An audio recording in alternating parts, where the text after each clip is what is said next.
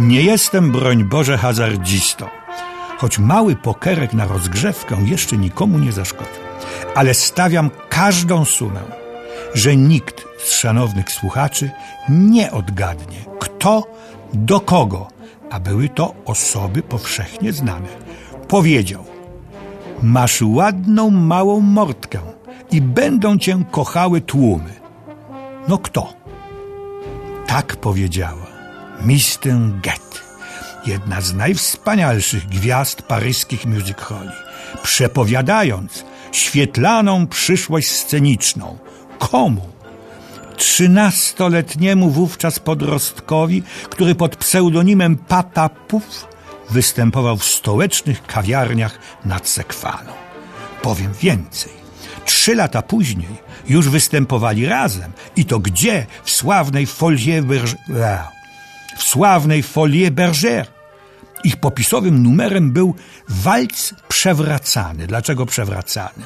Bo tańcząc i śpiewając przewracali wszystkie napotkane przedmioty, a w końcu i oni się przewracali i lądowali na dywanie. Ich bliskie związki nie ograniczały się zresztą tylko do sceny. Ach, ci Francuzi. Tę ładną, małą mordkę miał sławny już wkrótce na dosłownie całym świecie Maurice Chevalier. Jego życiorys przypomina ten o Kopciuszku. Urodził się w proletariackiej dzielnicy Paryża Ménilmontant. Jedenastoosobową rodzinę utrzymywała matka, pracująca ciężko jako praczka i szwaczka. Ojciec, malarz pokojowy, większość zarobionych przez nią pieniędzy topił w alkoholu. Maurice, mając 11 lat, musiał przerwać naukę w szkole i podjął pracę zarobkową. Uczył się na grawera, pracował jako robotnik fabryczny i elektryk. Występował też w cyrku, ale wypadek zmusił go do poniechania akrobacji. Zaczął więc śpiewać w kawiarniach. I tu właśnie zobaczyła i usłyszała go Mr. Get. Maurice Chevalier cieszył się rosnącym powodzeniem, nie tylko w Paryżu czy Francji, ale i daleko poza jej granicami. Śpiewał, tańczył, prowadził konferencjerkę, słowem bawił publiczność. Zawsze uśmiechnięty, szarmancki, błyskotliwy, w nieodłącznym, zawadiacko nałożonym na głowę słomkowym kapeluszu. Prezentował to, co zwykliśmy uważać za paryski wdzięk, dowcip, lekkość, nawet beztroskę, ową joie de vivre, radość życia. Jego największe przeboje piosenkarskie to Valentine, I Love Paris, Fascination, Louise, Mimi czy C'est Magnifique.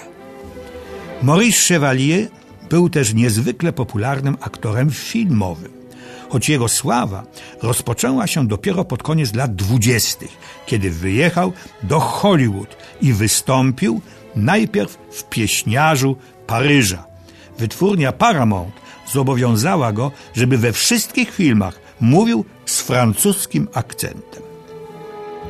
A przebojem absolutnym była Parada Miłości. Wystąpił w niezliczonej ilości filmów, ale jak to często bywa, doszło do konfliktu z amerykańską wytwórnią i Chevalier wrócił do Europy. Z powodzeniem grał w filmach francuskich i angielskich, a w roku 1938 został kawalerem Legii Honorowej.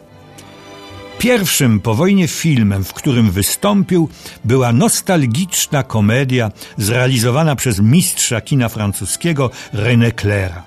Maurice Chevalier gra tu dyrektora wytwórni filmowej z początku dziejów kina, ale przede wszystkim uroczego, choć w wieku już nieco zaawansowanym, uwodziciela, który uważa, że miłość nie istnieje.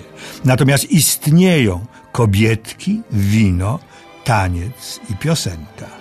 Nieoczekiwanie zadłuża się prawie na serio w młodej, naiwnej, pełnej wdzięku dziewczynie. Po wojnie na linii USA-Chevalier jeszcze raz na krótko zaiskrzyło kiedy podpisał on apel sztokholmski żądający od Stanów Zjednoczonych zakazu użycia broni atomowej. Lecz wkrótce doszło do wzajemnego wybaczenia i Maurice Chevalier zagrał fantastycznie prywatnego detektywa w znakomitej komedii Billy Wildera Miłość po południu. Przede wszystkim jednak w super musicalu Gigi Minelliego. Film ten otrzymał dziewięć nominacji i dziewięć Oscarów. To z tego filmu pochodzą dwa sławne przeboje. Dzięki Ci, Panie Boże, za tę małą dziewczynkę i co za nuda. Śpiewał je oczywiście Boris Chevalier. W 1959 roku uhonorowany został osobistym Oscarem za wkład w rozwój filmowej rozrywki przez ponad pół wieku. Na pięć lat przed śmiercią zagrał w ostatnim filmie Małpy do domu, a w 1968 roku po raz ostatni wystąpił z wielkim recitalem. Maurice Chevalier zaczynał swoją karierę w zamierzchłej, choć pięknej epoce końca XIX wieku, zwanej La Belle Époque, a kończył w dobie odrzutowców i telewizji, w której zresztą często występował. Kiedy dziennikarz zapytał go, czy nie żałuje lat młodości, odpowiedział: Tak, ale nie własnej. Jestem zadowolony, że już nie jestem młody. Czuję, że cieszę się teraz większym powodzeniem, aniżeli kiedykolwiek w moim życiu.